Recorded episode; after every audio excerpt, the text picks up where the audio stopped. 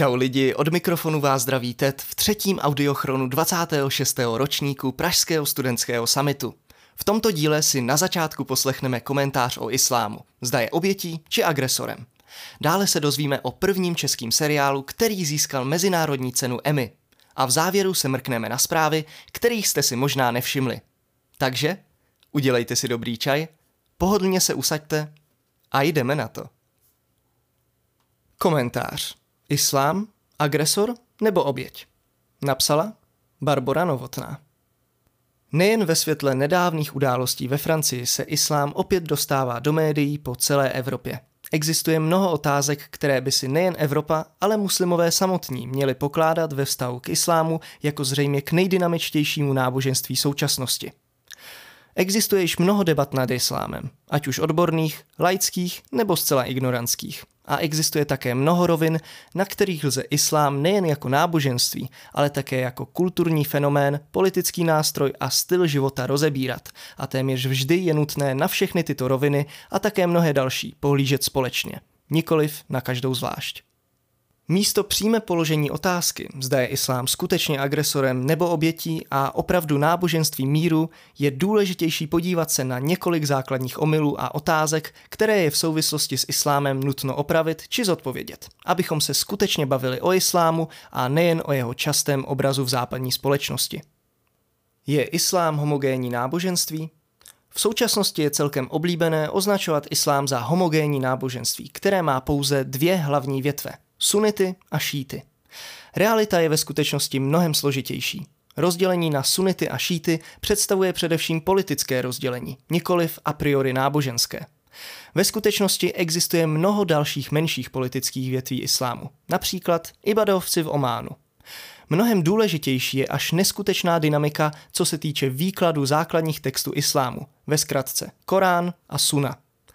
Po celém světě existují desítky, možná i stovky výkladů nejen Koránu jako nejsvatějšího textu, ale také hadísů, které jsou součástí suny a které zaznamenaly výroky proroka Mohameda. V islámu ve skrze existují dva problémy.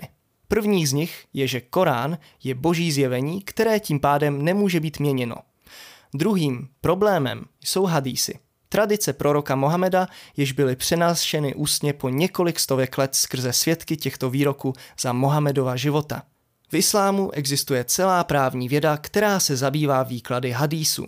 Zkoumá, zda jsou v souladu s Koránem a zda ti, kdo je zaznamenali a přenášeli dál, byli věrohodnými muži. Existují čtyři právní školy islámu, které se liší ve výkladu mnoha praktických dopadů islámu na život – Samotné hadísy jsou dělené právními vědami do několika stupňů, podle věrohodnosti a je na zodpovědnosti každého muslima, aby posoudil, zda se jimi má řídit či nikoliv. Hadísy přitom mohou zásadně měnit pohled muslima na svět, ať už se bavíme například o přístupu k LGBT, k ženám nebo například k otázce demokracie. Když si vezmeme, že existuje přes 2000 zaznamenaných hadísů, z nich jen pár desítek je akceptováno jako nejdůvěryhodnějších, tak si lze jen stěží představit dynamiku, kterou islám skýtá. Porušuje mnoho nařízení v islámu lidská práva, například práva žen, pokud si člověk přečte Korán, zjistí, že ve skutečnosti islám dává ženám mnohem více práv a rovnosti, než by člověk hledal například v Bibli nebo v dalších svatých textech abrahamovských náboženství. Proč je islám tak často spojován s porušováním práv žen? Jedním z islámů je, že Korán nemůže být měněn. Je jedním z jeho základních kamenů. Může být pouze vykládán, číž se zásadně liší od křesťanství a judaismu. Tomu dává ohromnou flexibilitu, jelikož může být zakomponován do mnoha kultur. Proto se také jedná o nejrychleji rostoucí náboženství, které je rozšířeno do všech koutů světa. Problémem je, že stále existuje silné mocenské centrum islámu, kterým je Blízký východ, kde se nachází nejdůležitější a nejsvatější místa islámu. Většinově muslimské státy na Blízkém východě mají nesmírnou kulturní moc nad islámem – především Saudská Arábie, Irán a další bohaté a vlivné státy jako Egypt či Spojené Arabské Emiráty. Ty sponzorují náboženské aktivity po celém světě, stavějí mešity a v jejich zemích se nachází nejdůležitější islámské právní školy. Dané státy do výkladu islámu reflektují nejen svou silně autoritářskou politiku, ale také svou kulturu. A jsou to právě praktiky zakořeněné v těchto kulturách, které islámu mnohdy dělají tak špatné jméno. V Koránu například není jediná zmínka o tom, že žena má být pouze poslušnou manželkou, která musí porodit děti a kterou mohou ovládat její muští poručníci. V Koránu a ani ve většině věrohodných hadísů rozhodně není napsané, že muž má nad ženou moc, že nemůže studovat, že nemůže být vlivnou političkou, že se zkrátka nemůže svobodně rozhodovat. Mnoho muslimek po celém světě je vlivnými ženami ve společnosti, v politice a sami se rozhodují, jakým způsobem se svým životem nakládají. Ženy v islámu zároveň nevždy nosí hijab, tak často skloňovaný symbol útlaku. Mimochodem, nikdo nemůže muslimky nutit jej nosit. A mnoho muslimek jej nenosí, právě jako symbol hrdosti ke svému náboženství. Většina praktik, které jsou s islámem spojené a které považujeme jako západní společnost za špatné, vychází především ze silně patriarchální a dovolují si tvrdit částečně misogyní kultury a tradice. Tyto tradice a kultura jsou nyní ovládány autoritářskými státy, které otevřeně porušují lidská práva, páchají válečné zločiny, například v Jemenu, a které také otevřeně sponzorují teroristické organizace. Není náhoda, že mnoho liberálních muslimů na západě nahlíží na klíčové otázky v islámu, jakými jsou například problematika LGBT či práv žen, úplně jinak než muslimové v arabských zemích, a to v rámci výkladu Koránu, aniž by jeho verše jakkoliv měnili. Muslimové musí vést džihad proti nevěřícím a nutit ostatní ke konverzi.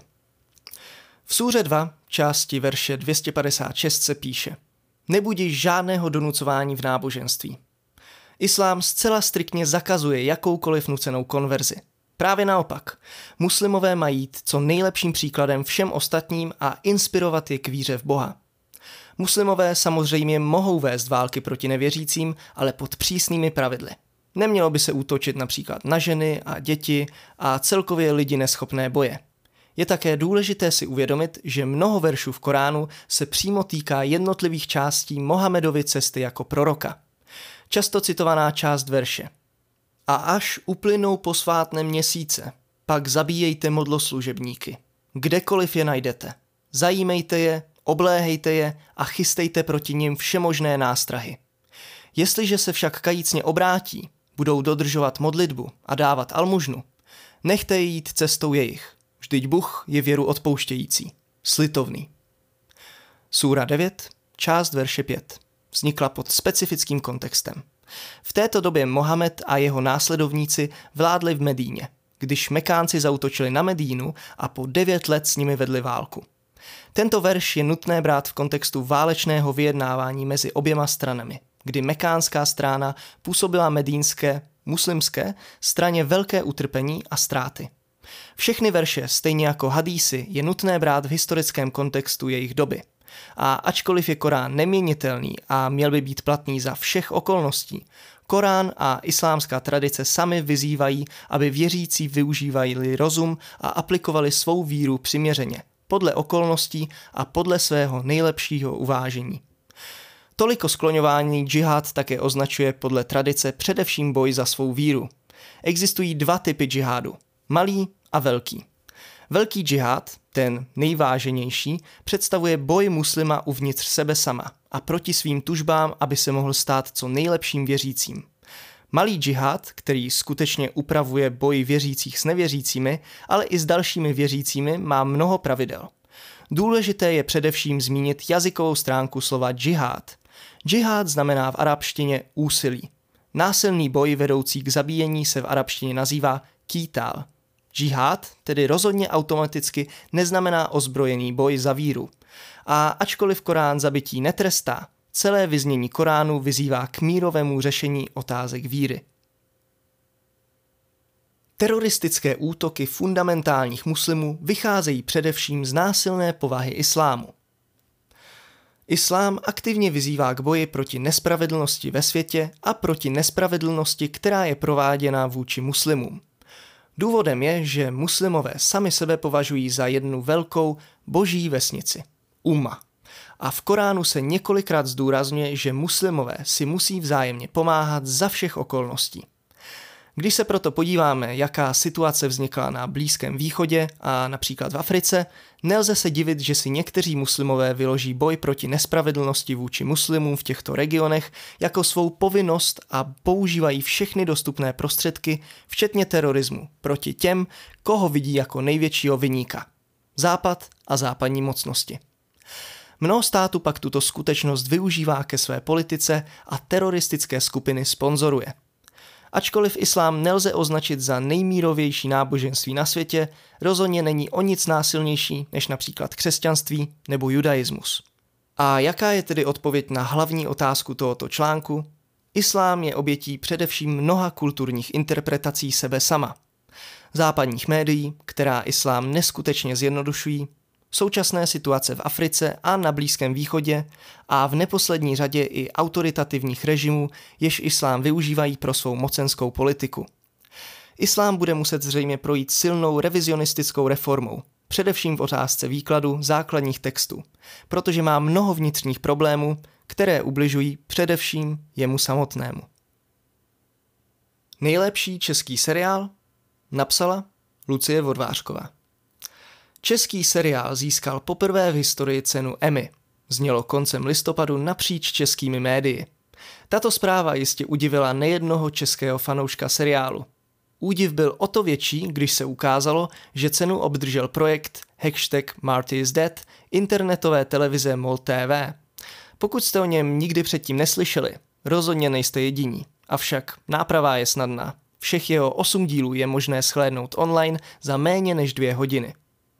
Když se řekne Emmy, mnozí z vás si možná představí záběry z Los Angeles z minulých let, na kterých tvůrci hry o trůny přebírají jednu sošku za druhou. Pokud jste si teď na jejich místo dopředstavili skupinku Čechů, jste na omilu. Seriál Hashtag Marty is Dead totiž neobdržel tuto prestižní americkou cenu, ale její mladší mezinárodní verzi International Emmy, kterou každoročně uděluje Mezinárodní akademie televizních umění a věd v New Yorku. Konkrétně uspěl v kategorii Short Form Series, kde porazil nominované seriály z Austrálie, Argentíny a Singapuru. Kudy vede cesta z České republiky k prestižní mezinárodní ceně? Jak uvádí koproducent Vratislav Schleier, českojazyčný hashtag Marty is Dead byl od začátku seriálem i pro publikum zahraničního trhu. Když zaznamenal úspěch na několika festivalech a obdržel množství dalších cen, jeho tvůrci se ho sami rozhodli přihlásit do soutěže o International Emmy. O jeho nominaci a následném vítězství pak už rozhodla Mezinárodní akademie televizních umění a věd. Můžeme pouze odhadovat, co porotu vedlo k vybrání právě tohoto seriálu. Podle producentů to nejspíš byla na kategorii Short Form Series, ve které se běžně objevují převážně nízkorozpočtové projekty nadprůměrná úroveň seriálu. Možná ale zaujal samotný děj. Minisérie Hashtag Marty is Dead vznikla jako reakce na fenomén nebezpečné online hry Modrá velryba – která otřásla v roce 2017 internetem. Ačkoliv vypráví příběh teenagera Martyho, paradoxně začíná jeho smrtí, co by následku nešťastné srážky s projíždějící dodávkou. V seriálu sledujeme zdrcené rodiče snažící se odhalit, co se jejich synovi ve skutečnosti stalo a postupně se dozvídáme, že se stal terčem vydírání na sociální sítí Facebook. Seriál přináší poměrně realistický pohled na chování teenagerů na sociálních sítích, o kterém rodiče nejčastěji nemají nejmenší tušení. Ačkoliv by bylo možné označit některé herecké výkony mladších herců za méně kvalitný, celý seriál působí velmi realistickým a uvěřitelným dojmem. Ať už jde o komunikaci na sociálních sítích mezi žáky devátých tříd, kyberšikanu, problémy na školách nebo nefungující rodinné vztahy. Seriál jasně poukazuje na palčivá témata současné české i světové společnosti. Přestože bych hashtag Marty is Dead nezařadila mezi nejlepší seriály, které jsem kdy viděla a dokázala bych přijít na mnoho příkladů z české tvorby, které by si cenu Emmy zasloužily minimálně stejně, s čistým svědomím můžu tento seriál komukoliv doporučit. Jeho hlavní předností je rychlý dějový spát, který může být příjemnou změnou od mnohdy zdlouhavých příběhů mainstreamové tvorby.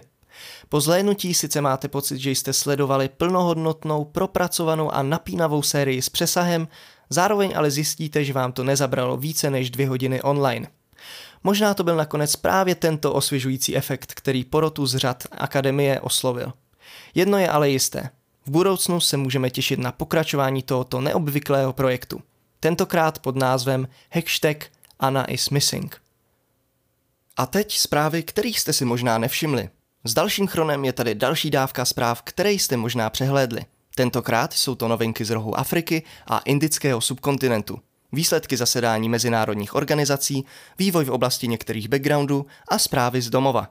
Tuto rubriku pro vás připravil Standa Kamenický a Daniel Baláš. Letem světem. Konflikt v Etiopii. Centrální vláda Etiopské federace na konci léta odložila plánované volby kvůli epidemii koronaviru, což se stalo rozbuškou pro dlouhotrvající etnická napětí v zemi. Tigrejská lidová osvobozenecká fronta, TLOF, vládnoucí strana federálního státu Tigreje, prohlásila vládu za nelegitimní a začala ozbrojenou spouru. Tigray, nejsevernější stát federace, získal své jméno podle místního dominantního etnika Tigreju, které představuje asi 7% etiopské populace. Konflikt ovlivňuje celý region. Dopádá na Sudán, který se už tak potýká se spoustou vlastních problémů a jeho sudánští diplomaté byli vyhoštěni z Etiopie kvůli údajnému přechovávání předsedy TLOF. Pozitivní zprávou je alespoň to, že severní Eritrea ctí mírovou smlouvu z roku 2018 a Etiopii asistuje. Přestože se federální armádě podařilo obsadit hlavní město Tigreje, boje stále pokračují a etiopská vláda v době psaní odmítá obnovit přísun elektřiny do Tigreje a omezuje přístup k lékařské pomoci.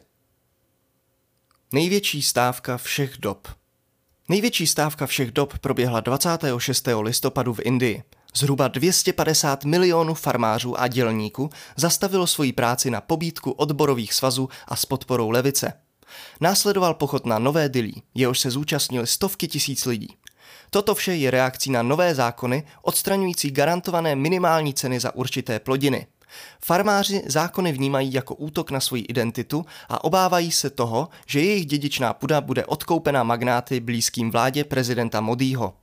Vláda si stojí za tím, že reformy zvýší životní úroveň farmářů a přinesou do sektoru investice.